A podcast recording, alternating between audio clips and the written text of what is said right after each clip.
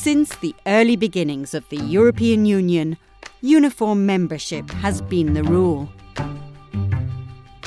We were stuck in a sort of dogmatic approach, which was explainable from the origins of the European Union in the time of the European Community of only six states, which requires uniformity as much as possible. Now, that idea is changing. With a European Union with 27, 28 member states, we know, of course, that meanwhile the United Kingdom has left the European uh, Union. You can't expect that the same degree of uniformity is still acceptable.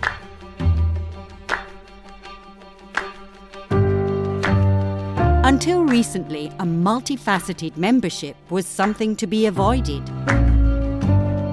It is interesting to emphasize how traditionally uh, lawyers, uh, European lawyers, had seen uh, variation as a potential threat uh, to the unity of the EU legal order. Ideas about a more flexible structure have been written about in the report European Variations as a Key to Cooperation which has recently been published open access by Springer. Actually, this report, uh, in a sense, is important uh, because it outlines uh, a normative, makes a normative case in favor of uh, variation and differentiation as something that is uh, to be looked after and, and wished for in the context of the European Union. In this podcast, the ideas in the book are discussed by Ernst Hirsch Ballin, the main writer on behalf of the Scientific Council for Government Policy in the Netherlands, who authored this report together with Emina Ćerimović, Huub Dijstelbloem, and Mathieu Segers. Uh, the title of the report uh, tells a lot, I think, about uh, what we want to say uh, European variations as a key to cooperation. And Federico Fabbrini. I am a full professor of uh, EU law at the School of Law and Government of Dublin City University in Ireland, where I'm also the founding director of uh, the Brexit Institute. So the Brexit Institute uh, is Ireland only and Europe first center specifically created to analyze uh, the uh, implications of the UK withdrawal from the European Union, uh, both from a research uh, and a policy perspective.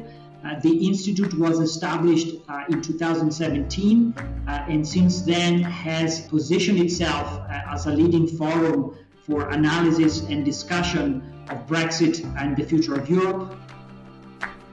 It runs a massive open online course and it coordinates a number of European projects on issues related to the future of Europe. The report was written on request of the Dutch government, but we hope that our report will be useful not only for the Dutch government but also elsewhere in the European Union. The general idea behind European variations is you cannot change the wind, but you can adjust the sails one of the complications with the enlargement of the European Union were manifestly the different historical experiences in the Central European and Eastern European member states, and we've to not only to accept these differences in history in understanding, but also to build on that. Europe can be seen as an association of democracies.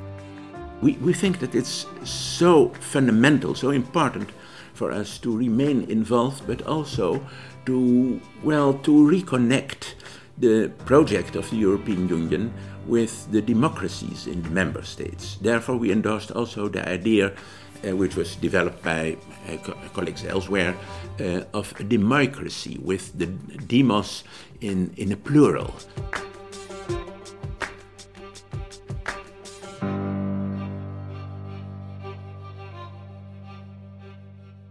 Variations can be applied in several dimensions, like policy, decision making, and membership, and in several areas, like the internal market, the euro, and concerning refugees, migration, and border security.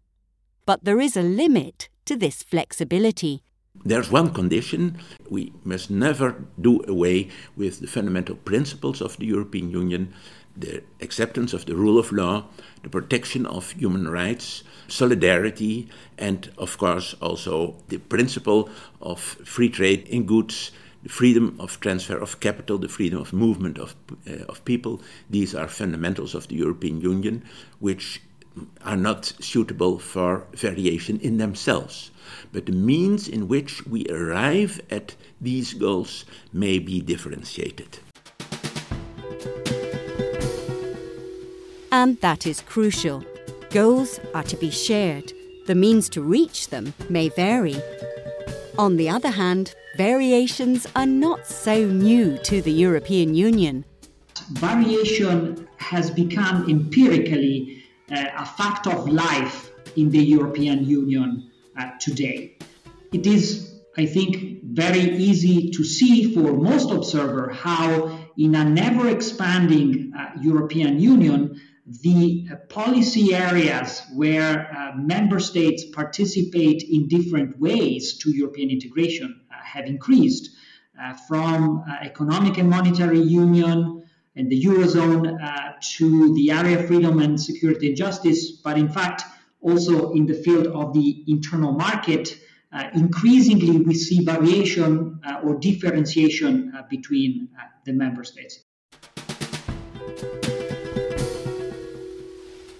To be specific, not all members of the European Union take part in the euro, nor in the Schengen zone, while some states that are not members do take part in the European Economic Area or the euro. How did these variations come about? The emergence of differentiation or variation in the European Union was and has been uh, the result of British pressures the opt outs at the time of the Maastricht Treaty were designed uh, to accommodate uh, the United Kingdom, which didn't want to join uh, the euro as a single currency. And we know that no country more than Britain has obtained derogation and opt outs from common uh, European policies. Uh, before Brexit, Britain was outside the Eurozone, outside the Schengen zone. It wasn't participating to any of the enhanced cooperation mechanisms and in fact, it didn't join the permanent structure uh, cooperation uh, on defense. So uh, many scholars have argued that in fact the driving force for differentiation in uh, Europe was precisely uh, the United Kingdom. And this, I think, raises uh, some interesting question because the expectation for two decades, at least in the 1990s and, and 2000s, uh, was that differentiation could have been a solution to keep uh, Britain within the European Union without forcing it uh, to adopt uh, all the common uh, European norms. But it didn't. Brexit was a shock to the system and one of the reasons for developing ideas about variations. While at the same time, one could raise the question could these variations be the axe to the roots of the European fundament? If they didn't keep the United Kingdom from bailing out, well. What is the relation between differentiation and disintegration? Uh, is there any chance that, in fact, differentiation uh, might uh, ultimately lead uh, towards exit uh, from the European Union because a country doesn't feel it fully belongs uh, to the uh, European project? It's very hard to answer uh, this question, but I think, again, the example of the United Kingdom and of Brexit also shows what are some of the potential shortcomings uh, or drawbacks of an ever more uh, differentiated uh, Europe. So I believe there's more food for thought there uh, in terms of further research as well.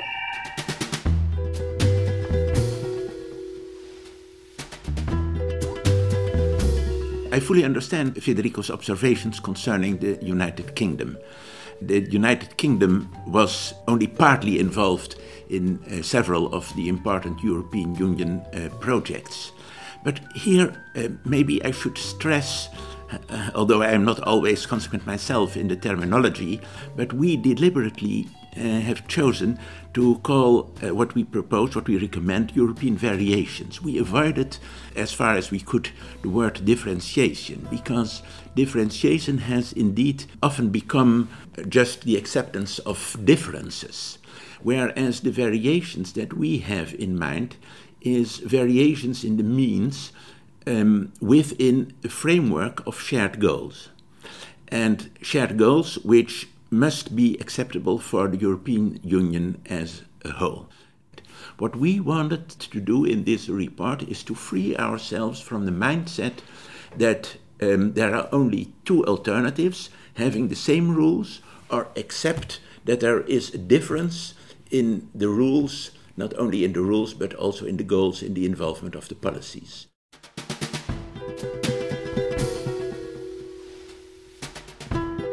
I think that it's really important that we should continue to underline the importance of a shared view on the future of the European Union with variations in the means.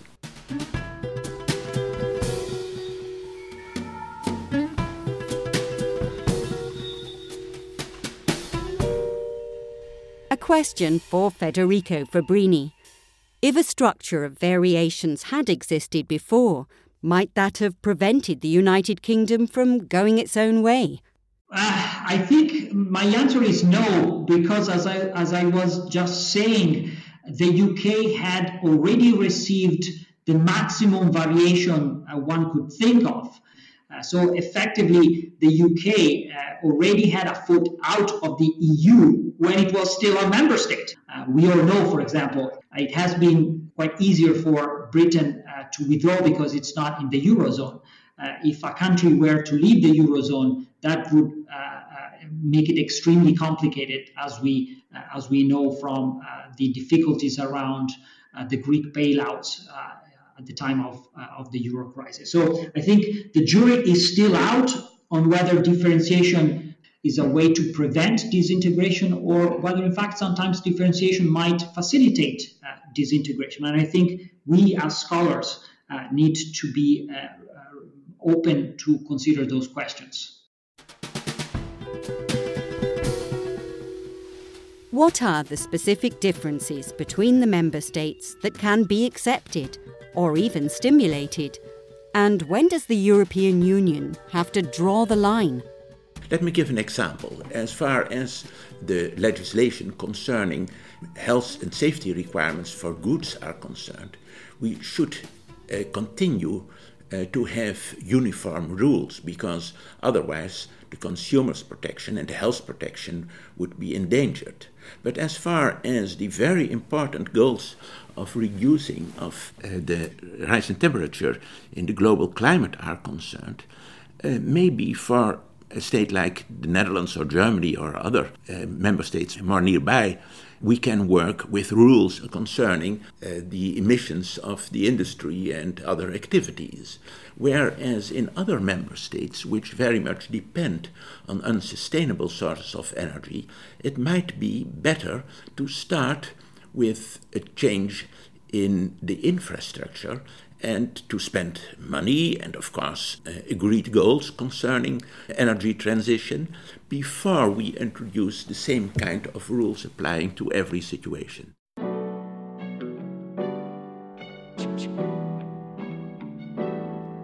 This flexibility of tailored agreements might also stimulate the commitment of states and their people to the tasks the European Union has to address, like taking measures against climate change.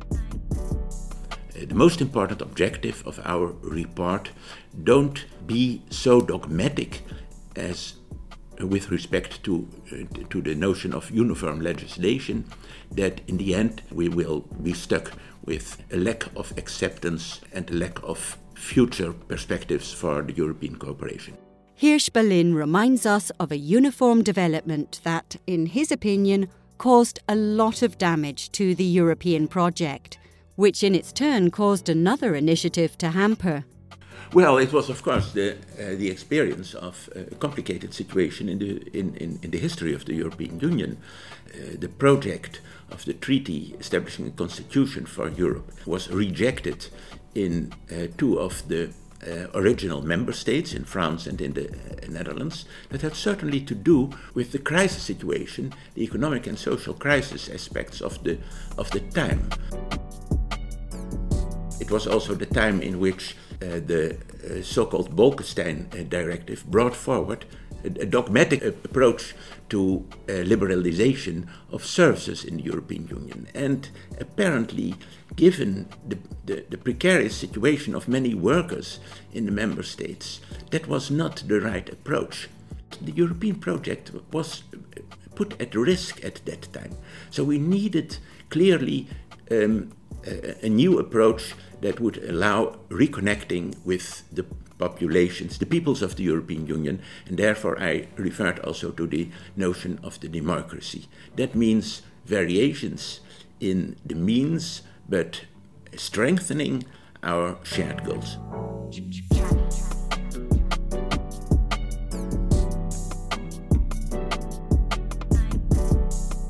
The European variations proposals are definitely proactive moving towards a European Union that might handle and overcome crises better than it did in the past, or even prevent them from happening. And this goes for internal matters as well as for Europe as part of the global community. Uh, this is incidentally a point that also the report uh, that Ernst and his colleagues uh, edited uh, emphasizes the role of Europe in the world uh, is becoming ever more important and the world is becoming ever more threatening uh, for uh, the uh, European Union. So I think strengthening uh, the ability of the EU to act uh, on the world scene in the next few years. And as I was saying before, I think variation will be one of the core strategies of the European Union and its member states moving forward. Are the responses to the report so far? It's too early to say whether this will work, but I think that it is important at least to try to make this work because the most fundamental, the most worrying aspect of the present situation of the European Union is the declining acceptance among our constituencies of the notion of a shared European future. That is the most important that is at stake right now, and therefore we need to reconnect with the constituencies in all the member states. But have the waters been tested? What's the temperature at the conference on the future of Europe that is currently being held? Just last Sunday, I had the enormous pleasure of uh, being invited as an expert speaker uh, to the second uh, European Citizen Panel uh, organized within the framework uh, of the conference. I was asked to speak about uh, institutional reforms and decision making in the European Union. And a point that I really noticed and I was quite impressed to see uh, is the degree to which uh, European citizens uh, were aware of the need uh, to endow the European Union uh, with a stronger voice, uh, particularly on the on the international scenes. Talking about European citizens, what does all this mean for them? Well, let's go to the issues that are really important for our citizens.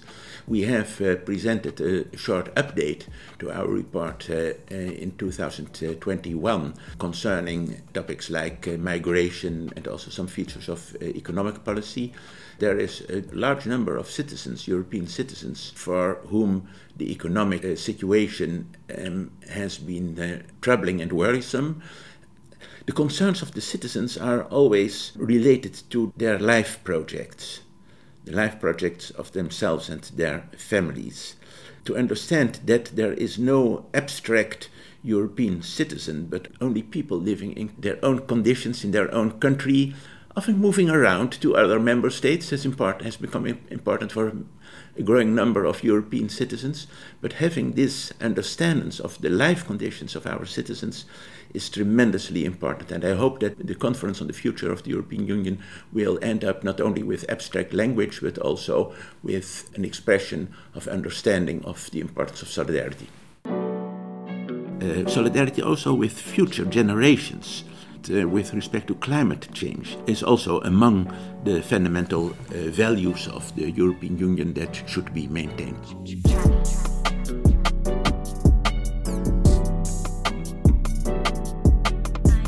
So, what should Europe look like in, say, 2030? What should one wish for?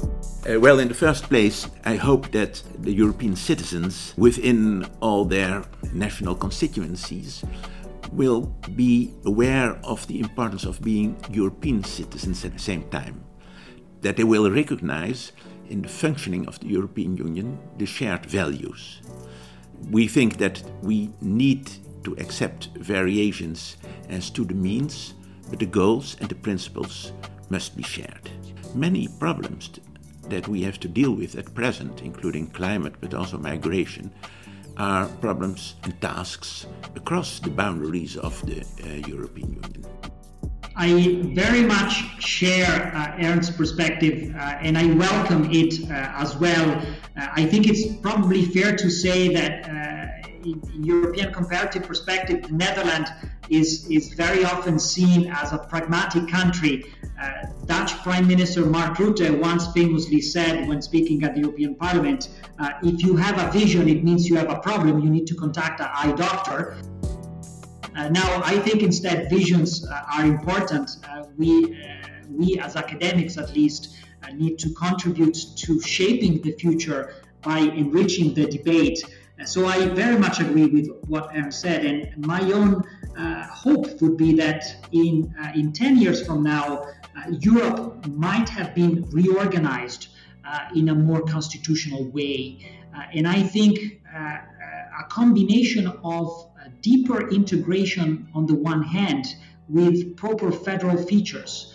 together with greater variation on the other hand, might be a solution uh, to keep Union uh, or Europe together. What I'm thinking about is a greater ordering of core and periphery along a model of a Europe of concentric circles, whereby a group of countries that clearly share more in terms of value, in terms of vision, uh, can move towards a federal direction, while allowing those who do not want to share that project to still remain engaged, to still remain connected uh, as member of an outer circle. And I think, among others, also the United Kingdom uh, in some years from now might perhaps uh, be included uh, in that outer uh, circle. Of course, the future is in our hands, uh, and it is our responsibility as citizens as well to shape it.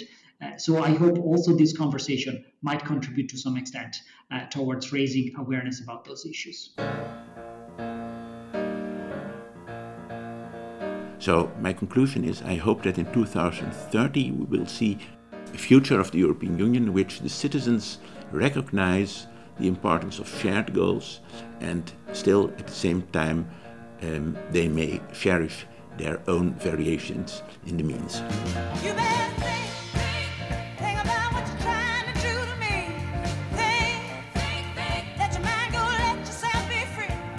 Thank you for listening to this podcast on European variations.